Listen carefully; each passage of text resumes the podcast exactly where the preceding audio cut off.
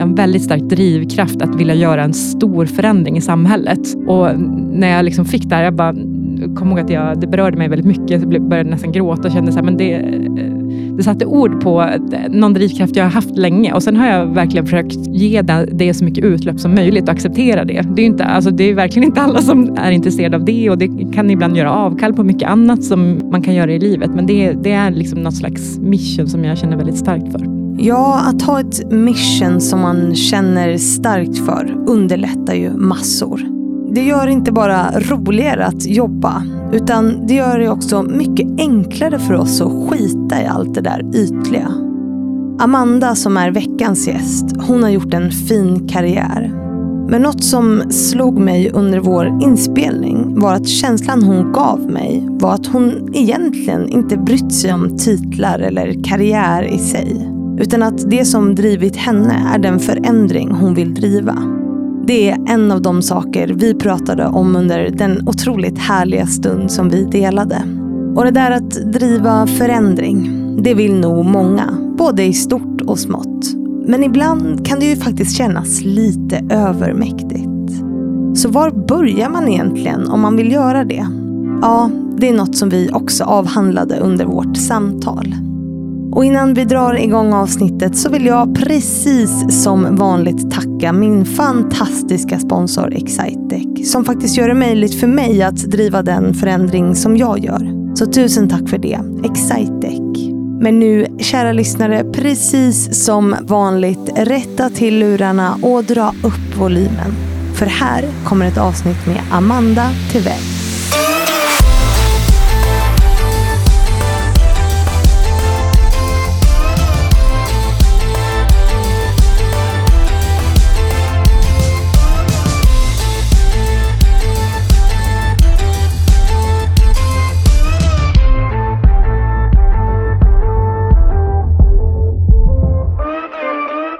Varmt välkommen hit, Amanda Tevell. Tack så mycket. Och eh, Du har varit lite nervös inför det här. Hur känns det nu när du sitter här? Ja, men det, känns, eh, det känns bra, men jag har varit nervös. Mm. Vad är det som, du sa det, det är första gången du är med i, din, i en podd. Ja, så det är poddebut. Ja. men jag sa det, det är inte så ofta man gör grejer första gången. Inte lika ofta som, jag sa det, mina barn gör ju grej för första gången varje dag. Men, mm. Så det är lite spännande när man får göra det. Mm, vad kommer det för känslor i dig då när du ska göra något nytt för första gången? Äh, men, eh, jag, jag känner mig ändå taggad och lite mm.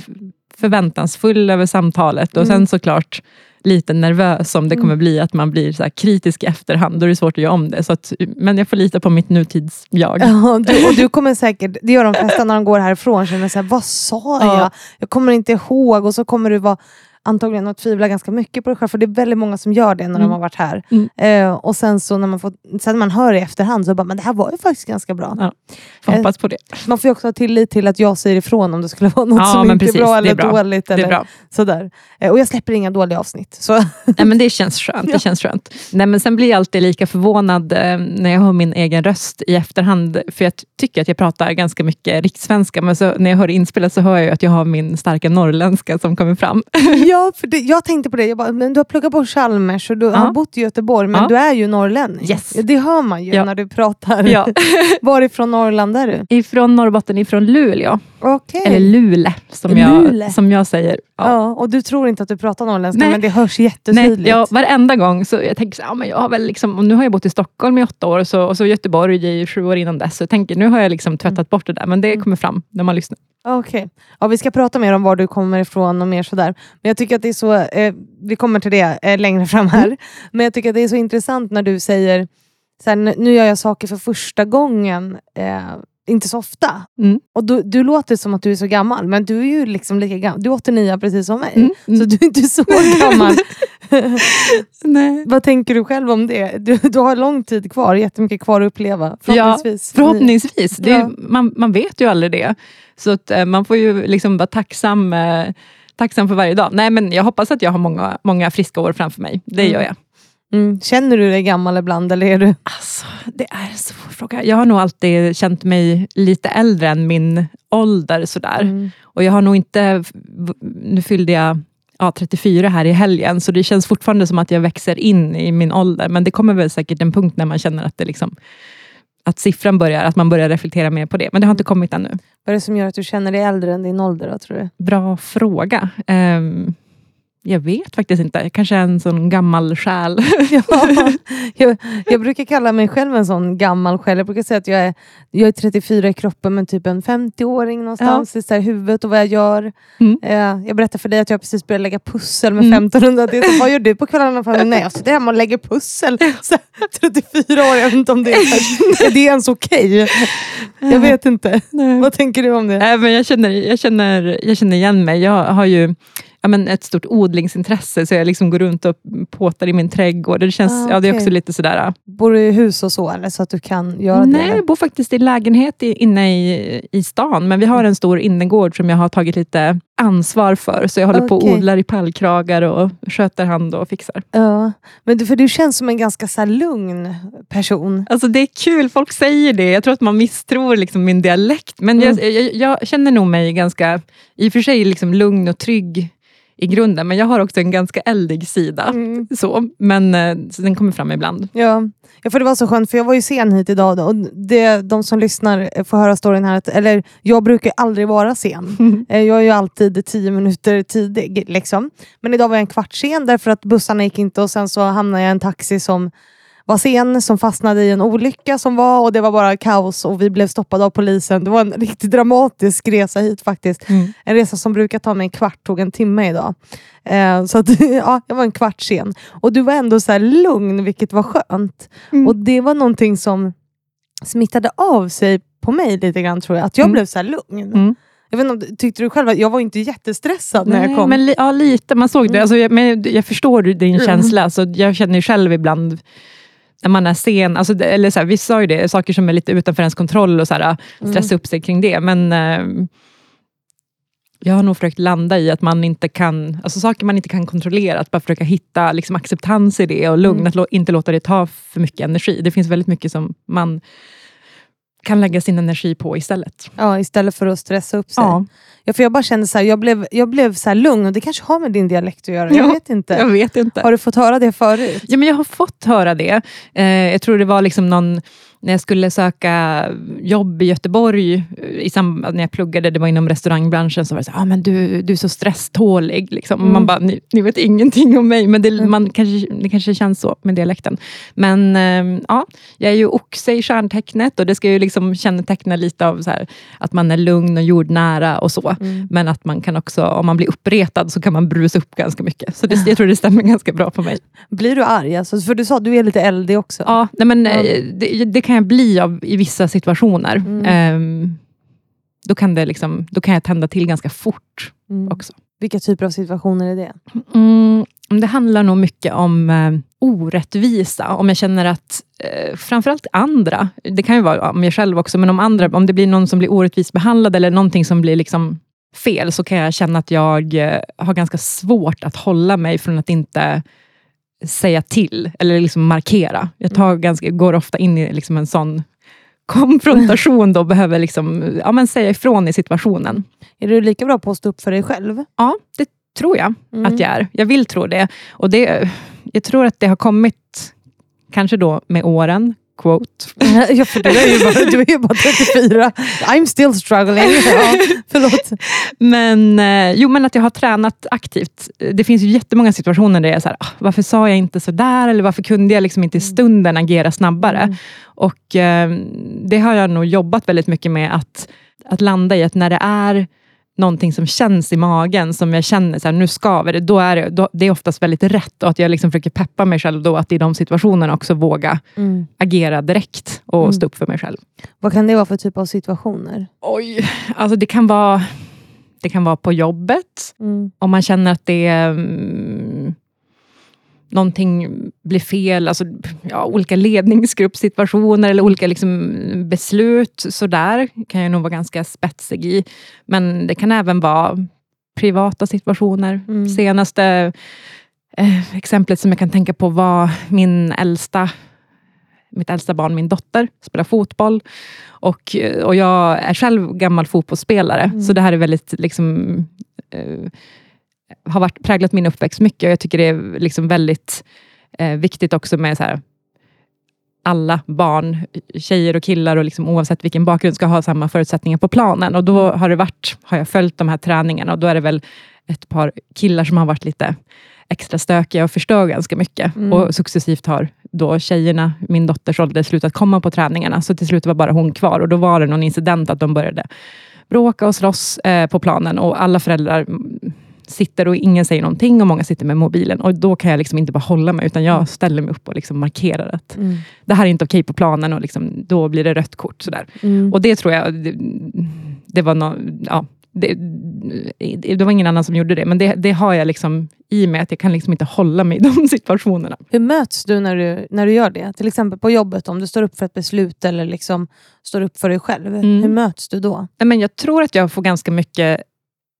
respekt. Jag är ju väldigt, vad ska man säga, så datadriven i, min, i, mina, i mitt beslutsfattande och, och i resonemang på jobbet. Mm. Jag kan, nog, jag kan nog, om jag ser mig själv från andra sidan, vara jobbig att argumentera med. Vi har ofta väldigt mycket fakta och ofta tänkt väldigt mycket på många perspektiv kring en fråga. Mm. Men sen är jag väldigt mån om att komma vidare liksom tillsammans. Om det är till exempel en ledningsgrupp, så är man ju där med ett gemensamt syfte i det Mm. teamet och vill driva bolaget framåt. Och då, så om man liksom hittar bra motargument, så är inte jag absolut omöjlig att, att eh, ja, man hittar en, en bra väg tillsammans. Mm.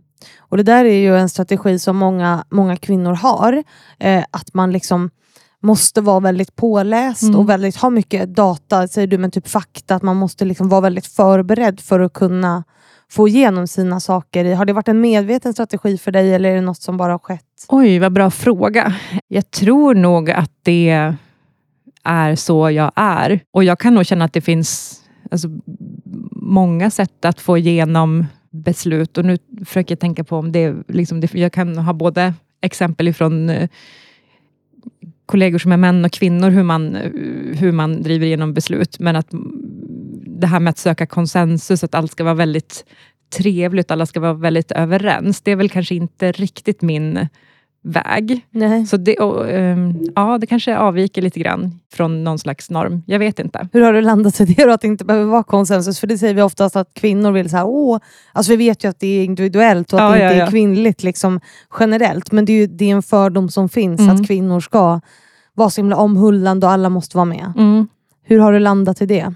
Men- Och jag tänker också, jag ska tillägga att det har varit nödvändigt för kvinnor Mm. för att ta sig fram, att ha Verkligen. alla med sig och liksom vara så här omhändertagande på något sätt. Jag tror att jag är en väldigt analytisk person i grunden. Och Sen Mm. så tror jag att genom min karriär att jag har fått utrymme att kunna använda den förmågan i mitt Mm. beslutsfattande på ett bra sätt. Och Jag har varit i miljöer där det har funkat, eller jag har fått vara på det sättet och det har Mm. varit ja, men framgångsrikt för mig. Mm. Och Det finns ju uttryck som heter så här, killräckligt bra och killgissa och sådär. Eh, Kan inte det vara frustrerande för dig? För jag gissar att det är i ledningsgrupper och, och liksom företag där du har varit överlag, att de, de kommer undan med det. Kan inte det vara frustrerande om man då är som dig? Jo, det Om kan man vara är som dig, säger det- jag. Nu drar jag men- dig över en kam. Men det kan vara väldigt frustrerande. Mm. Folk som inte har nog bra argument eller nog påläst och, Mm. och liksom vill uttala sig väldigt mycket. Jo, det kan vara väldigt frustrerande överlag Mm. tycker jag. Ja, intressant. Och hur känns det då för dig att komma hit eh, om du är van att vara förberedd och, och här får du ingen förberedelse alls. Eller vi pratade ju lite på telefon innan. Ja. Men det enda jag sa till dig då egentligen var att liksom släppa på det där att man behöver vara så himla förberedd och att det går att redigera och klippa i efterhand. Och liksom, blir det här en utmaning för dig då att komma hit och bara ta det? För jag är alltid så här, kom som det är, vi tar det som det kommer. Vi landar där vi landar. Det är min inställning till alla de här poddinspelningarna. Men det är lite utmanande, Mm. ja, men spännande också. Jag, jag eh, tänker att jag ska prata om ämnen som jag känner mig ganska trygg med. Mm. Så, så försöker jag landa i det, så får vi se vart det tar vägen. Ja, precis. Ja, vi, vet inte var vi hamnar, vi har knappt börjat. Jag säga. Vi har redan tagit oss igenom en bra del av inspelningen, så Ja. hur känns det so far? Känns det lugnt? Ja, ja. jag, jag bara fångar upp saker och sen så får du haka på. Mm.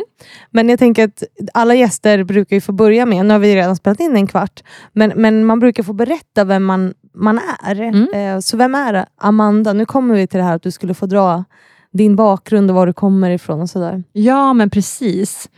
Ja, men, och det är ju en, en jättebra och stor och svår fråga. Mm. Och det är väl någonstans så finns det väl svar på vem man är i, så här, vart man kommer ifrån, erfarenheter, förutsättningar, förmågor. Och sen är det väl någonstans så här, vart man är på väg och vad man har för drömmar och vad man vill. Och sen så är man ju någonstans mellan dåtiden och framtiden, Mm. är man ju just nu. Ja, precis. Men om jag börjar lite grann eh, vart jag kommer ifrån. Jag är uppvuxen i Norrbotten, Luleå, Luleå, ja. Luleå och spelat mycket fotboll. Och Jag bara, exakt, Åka exakt. skoter och... Ja, men precis. Ja, Det, nu kommer mina norrländska gener fram här. Ja, jag är hälften norrlänning faktiskt. Aha, härligt. Ja. Du ser. Mm. Ja, men mycket fotboll och längdskidor. Mm. Och jag eh, är äldst av vi tre systrar i familjen. Så jag är nog ganska typisk stora syster skulle jag tro. Hur är man då? Ja, men, ansvarstagande, Mm. det är nog det första som, poppar upp som poppar upp. Ja, det Mm. finns bilder när vi är små och så mina två systrar står vi är ute på en brygga och de liksom hoppar och tjoar och jag står liksom och är supernervös att de ska trilla i vattnet och liksom är beredd på att hoppa i ifall Mm. någon skulle liksom göra illa sig. Mm. Så det har nog ändå präglat mig ganska mycket, tror jag. Mm. Nej, men så att och mina föräldrar, pappa har varit inom, han jobbade, jobbar fortfarande på universitetet uppe i Luleå Mm. eh, och är professor där. Och min mamma har eh, varit företagsledare, VD för stora industribolag uppe i Norrbotten. Så jag liksom har med mig nog lite hälften ifrån pappa med det här akademiska och intellektuella och sen väldigt mycket business och företagande ifrån mamma. Hon, du, hon måste ju ha mött, har ni pratat något om det? Jag tänker att vara kvinna och VD och ledare inom den branschen också i den delen av landet. För att det, där har man, alltså I storstäderna så har man mycket högre medvetenhet om Mm. typ jämställdhet och de här Mm. sakerna än vad man har uppe i till exempel Luleå. Liksom. Mm. Eh, har ni pratat något om det? Ja, alltså jag har hört liksom under min uppväxt en del Mm. stories, alltså ganska sjuka grejer. Så, Mm. så det är jag ju verkligen uppvuxen med. Mm. Och mamma har alltid, hon är nog alltså hon är ännu snabbare än mig liksom i situationer, att kunna gå, gå och försvara sig själv. Och det har nog varit väldigt, eh, präglat mig mycket, varit en stor inspiration liksom, när man tänker tillbaka, att det känns väldigt rimligt att, att stå upp för sig själv på det sättet. Så. Ja, ja. Att hon, hon har gjort det och därför gör du också det. Ja, det känns väl... Det kanske, jag har nog bara fått med mig det, tror jag. Mycket. Mm. Det känns väldigt rimligt att göra det. Mm. Men så du, du var på det, för jag avbröt dig, men du har den här mixen mellan mamma och pappa. Pappa är akademiker, mamma är företagsledare. Hur fick det dig att välja väg? Liksom? Nej, men, när jag var tonåring var jag ju typiskt så här, gjorde revolt och skulle absolut inte bli som mina föräldrar. Och Mm. Jag flyttade från Luleå så fort jag fick chansen när jag var klar på gymnasiet. Flyttade ner till Göteborg och liksom skulle göra min grej. Så där. Och Det känner jag att jag har gjort och verkligen eh, hittat min väg. Men när man reflekterar så här tillbaka, bara så här, "Ja, fast det är ju, man har liksom ändå tar efter mycket av sina föräldrar. Eller jag har gjort det mer än vad jag kanske har trott Mm. pappa har ju alltid jobbat inom samhällsbyggnadsbranschen, så det är ju samma bransch som jag jobbar inom nu. Mm. Så det har liksom verkligen varit, eh, ja, bli, säkert blivit också en stor omedveten inspiration för mina val. Ja, precis. För sen så lämnade du Luleå och det var då du flyttade till Göteborg? Eller när du liksom, Ja. Då började du på Chalmers. ja. Vad var det du pluggade där för någonting? Jag läste en utbildning som heter arkitektur och teknik, så Mm. liksom hälften ingenjörsutbildning och hälften väldigt konstnärlig, alltså arkitektutbildning. Vi gjorde liksom kroki på dagarna och ritade hus och eh, mycket så design. Mm. Mm. Och sen läste jag en, mitt masterprogram inom hållbar utveckling, så det var liksom så jag försökte få ihop de perspektiven till någon slags helhet. Att liksom bygga hus och göra det hållbart på samma gång. Ja, och, och, och liksom ännu mer, den här mastern var väldigt inriktad på så designstrategier, ganska mycket strategiska frågor. Så här, hur, kan man, hur kan man ställa om hela samhället, alltså hela det, den bygg, det byggda samhället, staden. Hur kan, Mm. hur kan vi bygga städer mer hållbara? Den typen av frågor. De Mm. väldigt stora frågor. Det har alltid, eh, jag har alltid varit väldigt intresserad av ja, men de, de stora förändringarna, de stora frågorna. Mm, hur kommer det sig att du har fått ett intresse för det? Alltså, jag vet inte, men eh, det har hjälpt mig att liksom acceptera den, det intresset. Mm. Eh, Jag var väldigt engagerad under min tid på Chalmers i olika studentföreningar och bolag och sammanhang. Och då bland annat så var jag med och startade upp en eh, organisation som heter World Values Day, där vi undersökte våra värderingar och drivkrafter. Mm. Och då var vi ett gäng studenter och så bjöd, bjöd vi in massa företagsledare, så skulle man mötas under en gemensam dag och utforska sina drivkrafter. Och så gjorde man, det finns olika tester och, ja, så, och då fick jag upp då, då, fick jag liksom i det här testet, någon, det hette, ah, jag kommer inte ens vad det, det var ett jättekomplicerat ord, men när jag läste så var det liksom att jag har en väldigt stark drivkraft att vilja göra en stor förändring i samhället. Ja. Och när jag liksom fick det här, jag bara kom ihåg att jag, det berörde mig väldigt mycket. Jag började nästan gråta och kände så här, men det, det satte ord på någon drivkraft jag har haft länge. Och sen har jag verkligen försökt ge det, det så mycket utlöp som möjligt och acceptera det. Det är, inte, alltså, det är verkligen inte alla som, som, som är intresserade av det och det kan ibland göra avkall på mycket annat som, som man kan göra i livet. Men det, det är liksom något slags mission som jag känner väldigt starkt för. Vad har du gjort för avkall i livet på grund av det då? Mm. Du ser, jag fångar varenda krok här. Ja, precis. Jobbigt. Ja, exakt.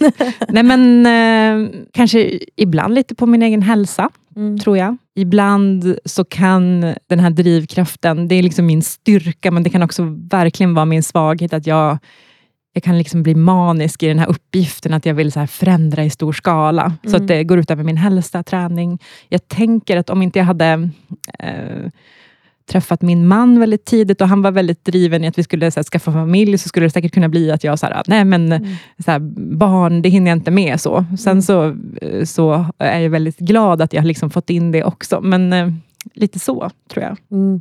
När träffades ni? Vi träffades på Chalmers Ja. för 12 år sedan. Mm. Så väldigt, väldigt länge sedan, i alla fall i mitt perspektiv. Ja. Och hur, hur många barn? Ni har två barn. Två barn. När skaffade ni barn? Ja, 2017 och 19. Så de fyller fyra och sex nu Mm. i sommar. Då var du ganska ung. Ja, jag var ändå, ganska ung. Ja, faktiskt. När du fick, eh, när du fick barn. Alltså fram, I Stockholmsmått var jag jätteung. Uppe Mm. i Norrbotten, ja, då var jag väl kanske lite gammal. Ja, ja precis, och där skiljer sig ju också. ja. I, I storstan skaffar man ju barn sent. Ja, Och ibland själv också. ja, precis. Men du säger att det var din man som lik- liksom längtade efter det. Du hade ingen längtan eller? Jo, det har jag nog alltid haft längtan efter familj och så. Så det har jag. Men jag tror att ehm, Ja, det jag tror att det är svårt att någonsin känna så här, nu är det perfekt timing, nu känner jag mig helt redo. Eller jag hade inte landa i det. Nej. Men jag tror att det hade nog aldrig, jag hade nog aldrig känt mig nog så här, nu är det liksom, är jag redo. Eh, så- så det är liksom, det var bra att han eh, Mm. längtade väldigt mycket efter Mm. det. Mm. Hur hanterade du det då? När du bara så här, oj, nu, jag, jag var inte redo men jag, jag gjorde det ändå på något sätt. Alltså, det var jättestor och stark och härlig och häftig upplevelse att bli mamma. Alltså verkligen. Jag hade, jag hade nog underskattat det lite grann. Det har, det har gett mig jättemycket. Men det var, det var en tuff start. Vi, vår dotter föddes nästan två månader för tidigt, så Mm. vi fick spendera första tiden på sjukhus och det var väldigt eh, så här, dramatiskt. Jag var ju liksom inte mentalt redo. Hon skulle födas i september, så kom hon i juli. Så det var liksom så mitt i semestern utan... Och det här, man kan, det är precis som du säger, det går ju, man får tappa ju all kontroll och hela den här uh, outlook, man kan planera allting in i minsta detalj. Det bara f- faller ju på en dag. Så det, Mm. det var väldigt utmanande, men Jag tänker för dig också. då också som är en sån här förberedelseperson, som liksom så här, att det, du liksom var tvungen att gå emot det helt. Ja, Hur tog du dig igenom det? Det var bara att acceptera på något sätt eller? ja nej, men det var... Jag tror jag hamnade i någon slags chock där det var väldigt tufft eh, ett tag. Mm. Och så visste vi inte heller om så här, hur, hur det var med henne. Det kunde man inte riktigt säga för, förrän ett tag. Så det var en väldigt tuff start. Men det har ju verkligen, jag har ju verkligen växt jättemycket och säkert så här, åldrats mentalt efter de händelserna. Det är Mm. ju väldigt, så här, många säger ju det lite klyschigt, att, man, det, jag menar, att bli förälder är Föräldraskapet är ju väldigt lärorikt, men det, jag kan, för mig var det verkligen det. Vad har du lärt dig av det? Nej, men, ja, acceptera att man inte kan eh, planera allting och lite grann så lägger man ju det är så här, barnens behov framför sina egna. Mm. Det är nog ganska bra att utmana sig i det. Mm. tycker mm, det, livet blir ju lite, alltså det blir lite skört med barn. Det kan gå väldigt fort, de blir sjuka, man blir orolig. Alltså Det är väldigt starka känslor och liksom bara hantera det. Hur har du hanterat det här? Nu kommer den här frågan som alla kvinnor får, men som jag också ställer till män faktiskt. Hur har du liksom lyckats göra karriär samtidigt då som du fick, en, fick små barn? Och liksom, har ni delat på föräldraledigheten eller hur har ni gjort? Ja, vi Mm. har delat och jag tror till och med min man har eh, tagit mer än mig. Mm. Jag var nog ledig åtta månader, sju, åtta månader första gången och han var nog ledig nio. Ja. Men jag kände, eh, det, det var alldeles för länge för mig. Alltså Mm. Jag kände verkligen så här, det här är inte min grej att gå hemma på dagarna, alla andra har jobb. Jobbet har alltid varit väldigt viktigt för mig, eftersom att det är lite det här livsmissionet. Så jag kände Mm. Ja. så här, "Nej, men jag har ingen kontext och jag försökte ringa folk och de upptag, alltså man, det, det, det blev väldigt ensam eh, period för mig. Mm. Så till andra barnet så valde jag faktiskt att, jag var hemma två månader, sen började jag jobba en dag i veckan med honom. Och så var min man hemma på fredagarna och så fick jag jobba. Så jag fick liksom lite utlopp för det Mm. och tappade liksom inte min kontakt med jobbet. Jag hade just fått en ny roll som jag var väldigt taggad på. Sådär. Och det Mm. funkade väldigt mycket bättre för mig. Och jag eh, valde att, jag tror jag gick ut och berättade om det här upplägget på LinkedIn. Och jag kommer ihåg att det var så Alltså, så här, vad ska folk tycka nu? Och det, man får väldigt mycket krav och förväntan när man blir mamma. Alltså, Mm. Plötsligt, det är, en, det, är som, det är hela generationers krav och förväntan och Mm. Så som kommer. Men jag valde att gå ut med det och har fått väldigt mycket positiv feedback från andra, Mm. framförallt kvinnor, som funderar precis på det här. Ja, men hur ska man få ihop karriär och barn? Och, alltså, Mm. ja. Mm. och där är det verkligen så här, det finns ju inget rätt och fel, utan man får hitta det som funkar för en själv och liksom i ens familjekonstellation. Mm. Fick du någon kritik för? Eller var det? För det är ju ganska många mammor som får det. Alltså det är Ja, svårt att ja. vara...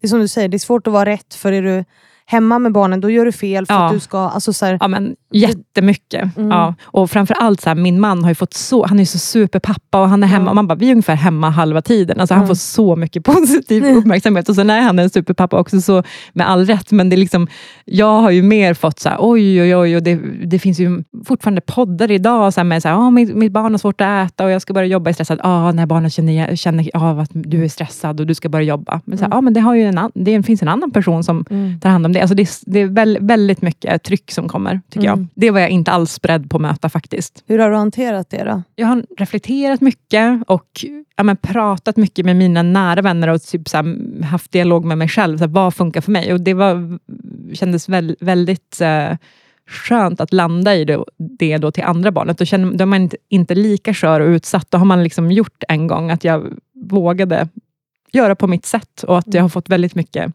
ja, men, positiv eh, feedback och många som kände så här, ja, men vilken förebild. Så där kan man också göra. Alltså våga ber- berätta om det och inte bara falla in under så här, förväntan hur Mm. det ska vara. Det är så tragiskt att det behövs Ja. förebilder. Att man, Mm. så här, man får välja själv hur man vill göra. Ja. Det är ju helt... Det är som folk säger till mig. Vi hade behövt förebilder som dig som pratar om att jag kanske inte vill skaffa barn. Ja, Alltså att. För det är ju många kvinnor som upplever att de skaffar barn för att de måste, för att det är en norm. Liksom. Mm. Eh, men vad, hur hanterar din man då? För är ni gifta? Ja vi är gifta. Oj, alltså, så, vi, vi är lika gamla men vi har två helt olika liv. Du har två barn och är gift och jag är så supersingel och, inte- och långt ifrån barn kan jag säga. Men det är så kul att Ja, man kan vara så verkligen. himla, så himla olika. Ja. Men hur har han hanterat liksom det här att han blir superpappa? Vad tänker han om det? Är han såhär, åh, åh, åh, slå sig för bröstet? Eller liksom vad? Nej, men han, eh, vi kan nog dela den bilden ganska mycket. Att det har funnits olika förväntan på oss i, Mm. som föräldrapar, liksom för, ett, för Mm. mamma och pappa. Så det, det delar han nog. Mm. Men eh, som förälder blir man ju glad för all uppmärksamhet eller all Mm. positiv feedback man får, för det är tuffa småbarnsår, så är det. Så att, Mm. eh, det nog- han nog också blivit lite glad för, kan jag tänka mig. Men man kan ju tycka att det var hans längtan att liksom skaffa barn, att du inom situationstecken säger jag nu ställde upp. Men, men alltså, Så, ska, så skulle jag inte uttrycka Nej, mig. nej, men, eh, men det var mitt ord. Men Ja, jag ja, vet ja. Inte, men det var ju hans, han hade en större längtan än vad du hade kan man ju säga. Att, då borde det bara vara naturligt att han Exakt. tar hälften eller mer av ansvaret. Exakt. Jag menar du är en mjölkmaskin i några månader Ja, sen så är du ju egentligen fri att göra vad du vill. Kan man ju tycka. Nej men precis, och det är så här, bara, alltså, man får hitta kreativa lösningar. Vi, för jag var med då, kommer ihåg, en av de här fredagarna där jag jobbade på ett sånt här heldagsledningsgrupp eller strategiforum. Mm. Och då, fick, då kom han ju med bebisen, så fick jag gå ner och amma på något café Ja. över lunchen och sen så körde jag på igen. Så man får ju bara hitta, om man vill så går ju det, hitta sätt som funkar. Mm. Eh, så. Det gäller att vara lösningsorienterad. Ja, Och sen inte vara rädd för att bryta normer. Nej. För det är ju det du gör lite grann. Mm. Vilket ju är superviktigt. Mm. Mm. Och där hamnade vi genom att du gick på Chalmers och, Ja, och ni, ni pratade om värderingar och drivkrafter och, ja. hur, och att det hade påverkat din hälsa på något sätt och, och att du hade gjort avkall på vissa saker. Vi, vi liksom, du ser, det här är, det här Ja, är Fannys förebilder. Ja, ja. ja men precis, Chalmers då. Mm. Ja, men du var på Chalmers och sen så hade ni en sån här nu försöker jag ta tillbaka oss till spåret. För det var en intressant sak du sa där, att ni bjöd in eh, ledare till att så här, prata om värderingar och, och drivkrafter och sådana saker. Att ni hade som en liten grupp. Ni var en grupp studenter som gjorde det. Mm.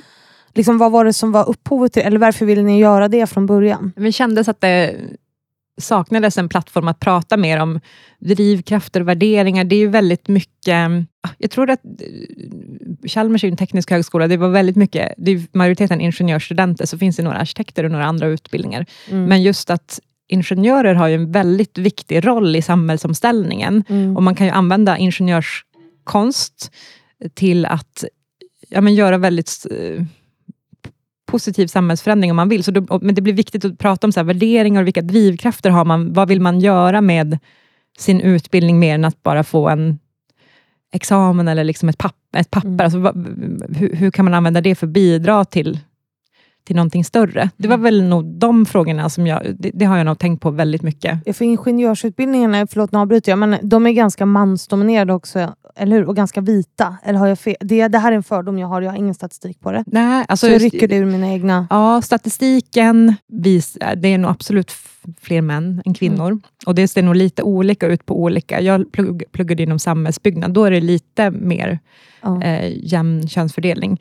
Men på, på kandidatutbildningarna skulle jag nog säga att det är ganska vitt. Sen när man börjar prata om masterutbildningar så har det ju funnits i alla fall, det finns väl i viss mån fortfarande, men en, en bra kultur av att locka internationella studenter också. Mm. Så den, det masterprogrammet jag läste så var det väldigt många etniciteter och alla kom ju till Göteborg på sina utbytesstudier, så det var väldigt kul att blanda Mm. upp. Men eh, det, det, det är nog säkert också olika. Jag Mm. vågar liksom inte helt, helt svara. Nej, men sen till en intressant följdfråga på den här dagen då. Mm. Vad landade, för vi landade i att dina drivkrafter var mycket att du vill förändra samhället och Mm. liksom skapa något större. Ja. Eh, Och, och det är väldigt knutet till hållbarhet, eller Ja, hur? Om jag har förstått. Klimat yes. och hållbarhet, Ja. eller hur? Ja. För dig. Eh, men vad landade du i för typer av värderingar? Kom ni fram till något? Tog ni fram topp tre eller var det liksom... Ja, men då, då var det så här, äh, man, man hade liksom tre basvärderingar som ja, jag kommer inte riktigt ihåg, men jag tror att någon, ja, någon var nog säkert så här, trygg. Jag, kan bli, jag är väldigt så här, äh, sörjer väldigt mycket för mina närmsta, alltså familjen och vä- nära vänner. Jag, blir, vä- jag är liksom väldigt eh, mån om personer som betyder mycket. Det, någon slags, sån värdering fick jag. Och sen var det tre värderingar som var så här, vart befinner jag mig just nu och vad som var viktigt liksom här och nu. Och sen var det de här mer framtidsvärderingarna, eller så här, vart, vart är jag på väg, vart strävar jag? Och då fick jag den här Ja, jag kommer inte ens ihåg ordet, men det var det här kom, komplicerade ordet som handlade om att jag strävar liksom att vara med och förändra stora system. Och, då, så, och den, det är den jag kommer ihåg. Det var verkligen, jag behövde få den pusselbiten Mm. lite. i- Och den har lett dig liksom i, i din karriär. Ja, yes. Hur gör man för att förändra stora system då? Vad tror du? Ja, men, eh, jag eh, kände ju, då, jag läste på den här hållbarhetsmasterprogrammet och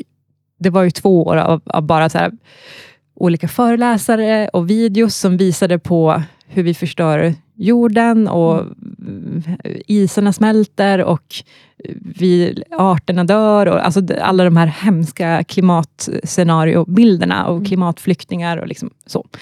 Så det var ju många i, av mina eh, klasskamrater som var så här, nej men jag ställer mig utanför det här systemet och liksom flyttar ut på landet och blir självförsörjande och bara så här, Ja. vill inte vara med. Och jag kände tvärtom, så här, jag vill in i näringslivet och vara med och fatta bra beslut. Alltså jag vill, jag vill hamna i en mm, position där jag kan vara med och verkligen göra stora förändringar. Så för mig har det ju alltid varit att jag har dragit mig in till ja, men, för, för stora företag Ja. och liksom business-sidan Mm. och jobbat och drivit hållbarhetsfrågan därifrån. Så det har liksom varit mitt Mm. sätt att få utlopp för, för den här värderingen. Ja, men att hitta små vägar. För, för jag kan känna så här ibland att det kan kännas lite övermäktigt. Jag tror många människor vill vara med och liksom förändra och skapa en bättre värld. Mm. Men att det kan vara så otroligt svårt att veta så här, men var börjar jag någonstans. Mm. Och då är det ganska viktigt som du alltså, så här, bryta ner det i mål på Mm. något sätt. Eller så här, var börjar jag någonstans? Mm.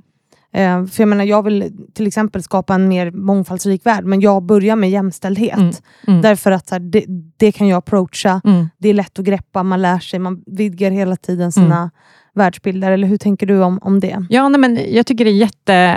Alltså det, det är helt rätt. Och jag, jag vet att jag skrev mitt exjobb eh, kring hållbarhet och var så här, hur kan man bidra till omställningen på olika sätt beroende på vart i samhället man befinner sig. Och då finns olika modeller, men jag utgick från något som heter så här kvadrupelhelix. Och då Mm. finns det så här, ja, men dels har man akademin. Man kan välja att gå in och liksom forska om det här och hitta nya banbrytande sätt och ny kunskap. Det kan vara liksom ett sätt. Och sen har vi ju hela liksom politiken. Man kan gå in och ja, men, engagera sig där och driva liksom politisk eh, förändring. Och sen har vi civilsamhället, att man kan jobba liksom med gräsrotsinitiativ eller liksom, jag vet inte, påverka, in, alltså inf, influera andra och liksom engagera sig så. Och sen så finns det ju näringslivet. Mm. Och Jag har nog alltid känt så här, jag, jag, och det har jag säkert med mig från eh, min uppväxt, att jag känner mig väldigt bekväm och trygg i de miljöerna. Mm. Så jag har väl bara känt att där är min plattform att driva. Sen tycker jag att det är många som gör sjukt viktiga och coola grejer på, i an, på andra delar och driver frågan Mm. ifrån de plattformarna. Så det gäller väl att hitta så här, vart, vart passar jag in i det här? Eller vad, hur kan jag bidra bäst med, till, till omställningen? Lite så. Och du började på, på toppen så att säga, för du, du vann ju någon tävling. Va? Att få bli... Nu går vi vidare. För jag, jag tror ju också som dig, man tar sig in och så handlar det om att ta sig in i maktens rum och så här kan jag förändra min fråga och så hitta sitt rum Mm. där man gräver på Mm. något sätt. Här börjar jag. Och du började på toppen som att du vann en, en tävling, eller hur? Mm. Och, och få vara sommarjobb som en VD på var? Adecco. Adecco, Ja, ja. precis. Yes. Eh, det här måste ju du berätta, men jag tyckte att det var otroligt roligt.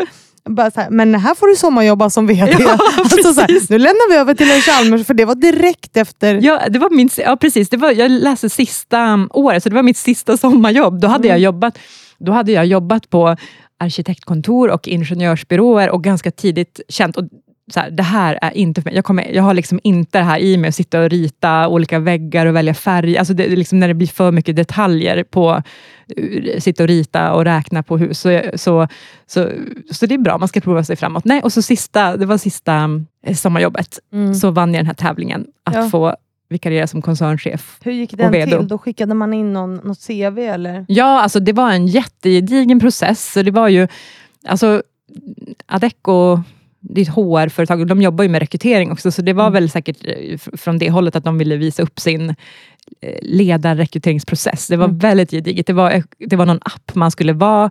Alltså det var, det var man, skulle, man fick olika uppgifter i en app. Och så var det att man skulle liksom boka möte med någon och, och så var det så här, att det kom upp i den här appen att så här, nu måste du vara på den här platsen. Alltså var, man, man fick liksom engagera sig verkligen i det här. Mm. Nej, men det var en jättegedigen process med CV och massa intervjuer, tester och så var det mm, sista åtta som gick vidare till sån där assessment center, som man Mm. brukar göra när man gör vd-rekryteringar, att man gör case och massa ja, kunskaps och logiktester och sånt. Mm. Vad fick du göra under, för det var en månad va? Ja, Vad fick du göra under den? Fick du liksom vara VD Ja. på riktigt och fatta stora beslut? Och, och liksom, eller hur, hur funkade det? Faktiskt, jag först tänkte här, ah, men det här är en PR-kupp, så här, Mm. bra så. Men, eh, nej, men jag hade förmånen att, att få då vikariera för en väldigt senior ledare, Per-Arne, som han gick i pension något år senare. Så han tyckte det var så kul med liksom en ung Liksom, liksom, tjej? Ja, men som kom in. Så första ledningsgruppsmötet, då sa han så här, ja, då lämnar jag ordet till dig. Så fick jag liksom köra. Det var så kul. Så satte han sig i hörnet. Det var så här, "Åh, Vad shit." gjorde du då? Nej, Jag blir så taggad så jag bara körde på. ja, men liksom, jag lämnar över till dig, vad skulle du säga då? Alltså, du, Nej, men vi hade, nej, men vi hade, jag hade varit med och, och preppat agendan så jag visste vad det var. Och, do, Mm. dock- och Det var ganska tufft. Vi skulle så här, det var lite så här cost-cutting-tider så vi skulle meddela om att dra ner på organisationen till ledningen. Så det var, det var verkligen, Det var verkligen- Och direkt in i, liksom, i, skiten så att ja, ja, verkligen, verkligen. Äh, det var fantastiskt. Nej, men så det fick jag göra och det var liksom, jag drev massa olika projekt och jag hade liksom hela mitt, den här ansökningsprocessen så hade jag ju tryckt jättemycket på hållbarhetsfrågan, att det var liksom min hjärtefråga. Så, Mm. så jag eh, jobbade och försökte driva, driva det också på Adecco. Men det, det som var roligt var att sen fick man också ett mentorskap med han, han koncernchefen Mm. så vi hördes i kanske två år efteråt. Och han var en jättebra bollplank-mentor till mig, Mm. eh, som har varit så här jätteviktig för mig i min karriär. Ja, för det måste ju se jättebra ut på CV. Bara, jag har varit VD en månad på Adecco bara sådär, liksom, och klev in. Men liksom, hur hittar du modet att bara så här, jag lämnar över till dig och så bara körde du? Alltså var kommer det ifrån? Nej, men jag tror att det är... Det, det kommer tillbaka till den här drivkraften att jag, så här, jag, jag trivs väldigt bra i en VD-roll. Jag tycker det är kul, men det är inte min yttersta drivkraft att få den positionen, utan det är mer så här att här kan jag vara med och fatta modiga beslut och kloka beslut. Det är liksom mer en plattform jag har velat söka mig till, för jag känner mig så här kallad att ta det ansvaret. Och jag kommer ihåg den här ansökningsprocessen, det höll på hela våren och jag var i Kenya den terminen. Så jag Mm. bodde liksom, eh, näst, alltså det, var, det mest utmanande var ju att få tillgång till internet för de här intervjuerna.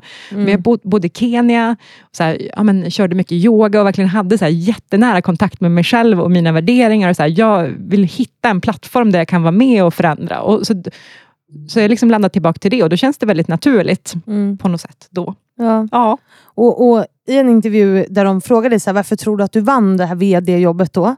En månad sommarjobb som VD, det är, helt, eh, eh, det är ju fantastiskt kul. Eh, men då sa du att det var för att du hade kunnat visa på ditt hjärta liksom för, för människor. Mm. Hur tror du att du gjorde det? Mm. Nej, men jag tror det. Man skulle förbereda massa uppgifter i, de här, i den här rekryteringsprocessen som man Mm. skulle presentera. Och Jag tror ju alltså som företagsledare jättemycket på den kraften som finns hos alla medarbetare, så alla som jobbar på företaget. Mm. Det är ju inte den som är VD som egentligen gör grejen, utan all kompetens och allt engagemang sitter ju hos Mm. medarbetarna. Och Det handlar ju om att här, skapa förutsättningar för alla att lyckas och få växa och få använda sina styrkor. Mm. Alltså väldigt mycket så.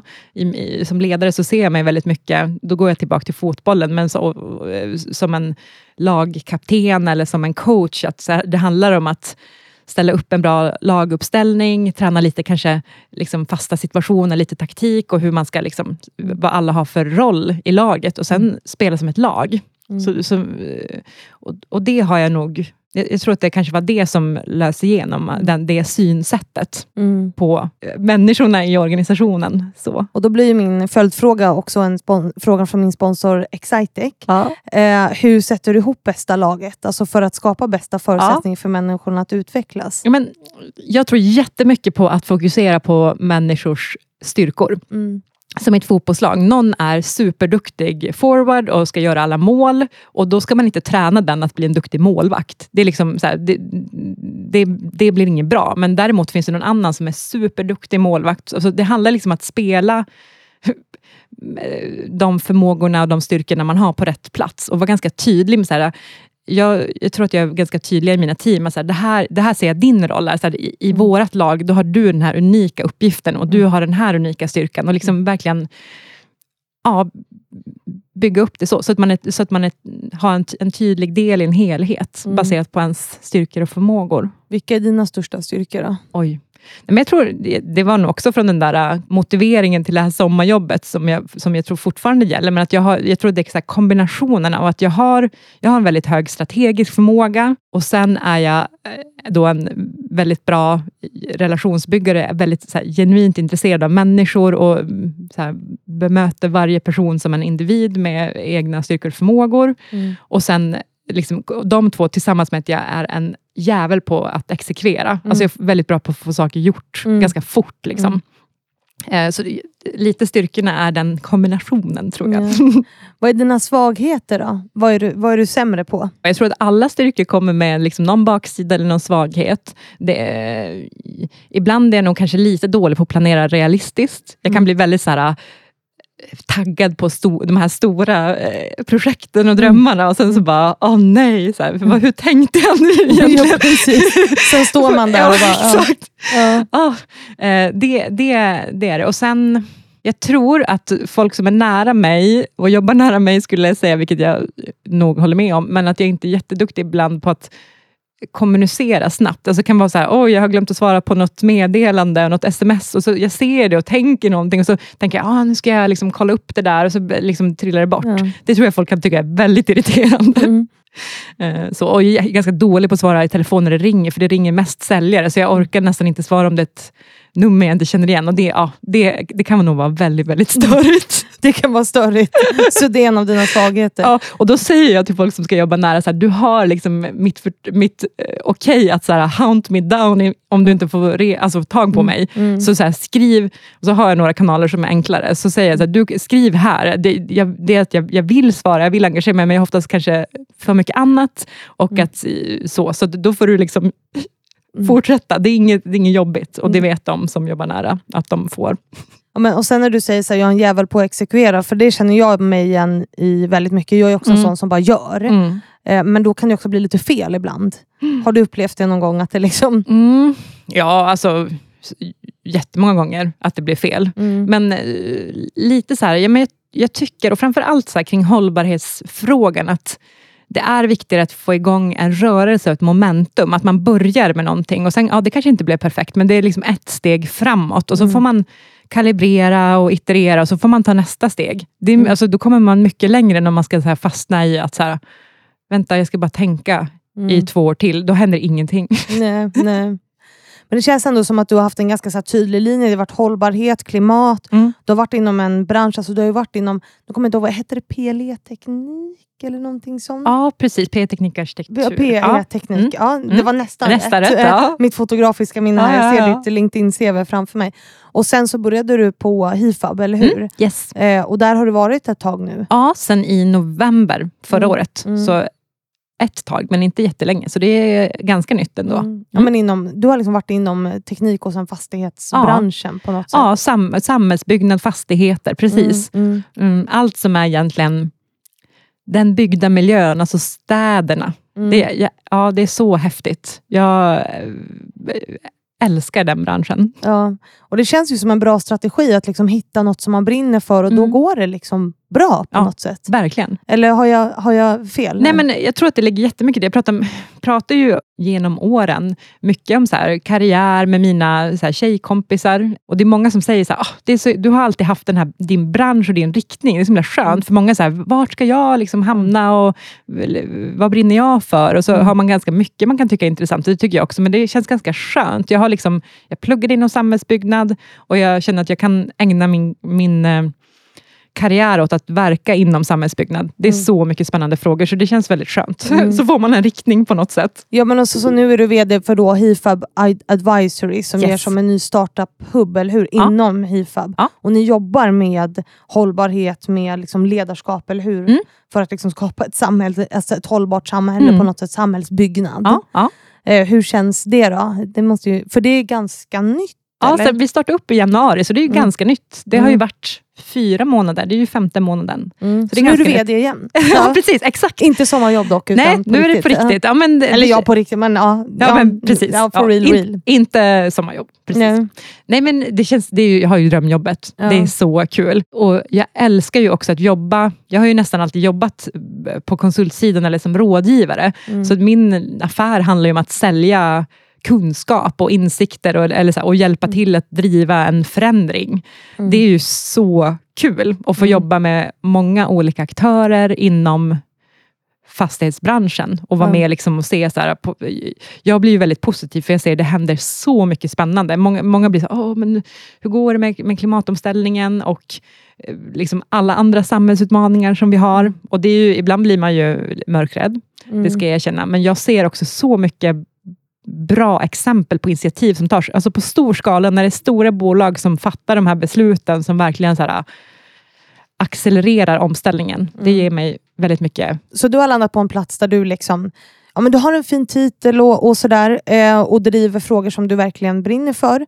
Vilket ju på något sätt känns som nyckeln Mm. till din framgång. Mm. Om man ska kalla det för det. Det är ju det här jag skriver min bok om. Så vad är framgång? Ja. Så är det titel? Eller, för, för mig när jag startade den här podden till exempel, då var ju det för att jag ville göra eh, karriär. Det var mitt mål. Liksom. Och för mig var det då Mm.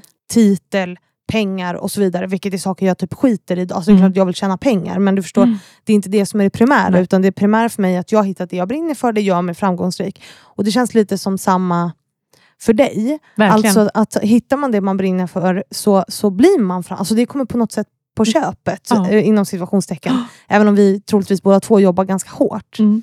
Så jag vill ändå liksom avrunda det här avsnittet lite grann med vad du tänker kring hur man hittar det man brinner för. För vanligtvis brukar vi ju prata om så här, ja, men, vad har du gjort för att lyckas som kvinna? Men i det här fallet så känns det ganska tydligt för liksom vad som har gjort att du har lyckats. Nu blev det här en lång utläggning. Mm, mm. Men vad tänker du, vad kan man göra liksom för, att, för att landa där? Mm. Jättebra fråga. Svår fråga. Nej, men jag kommer nog tillbaka till det där att liksom söka lite i sig själv efter sina drivkrafter eller värderingar, eller vad man ska kalla det för, och liksom vara sann mot dem. Mm. För jag hade, liksom, eller, och det har jag fortfarande perioder när man säger, ah, men ehm, kanske inte ska låta den här liksom, storslagna, jag ska göra skillnad eh, i världen, tanken ta så mycket utrymme, så försöker man tona ner det, men det blir, liksom, det blir en liten det skaver lite i mig. Alltså, det är väl, jag får acceptera att det så, jag har det och då får man, jag försöka hitta liksom sätt att få utlopp för det och sen hantera det såklart, de baksidorna som det kan kom, föra med sig. Mm. Men lite så, att, att försöka hitta sin grej. Mm. Leta helt enkelt inom sig själv. Ja. Men du, då ska vi börja avrunda nu. ja. Är det något du känner att vi har missat som du vill lyfta? Eller? Nej, men det har varit jättespännande. Ja, så det, det känns jättebra. Den här, den här timmen har flugit förbi. Så att, eh, då säger vi tack Amanda för att du har varit här. Tack. Och tusen tack till alla er som lyssnat på veckans avsnitt. Jag hoppas ni får en bra vecka och så hörs vi ju på onsdag igen, precis som vanligt.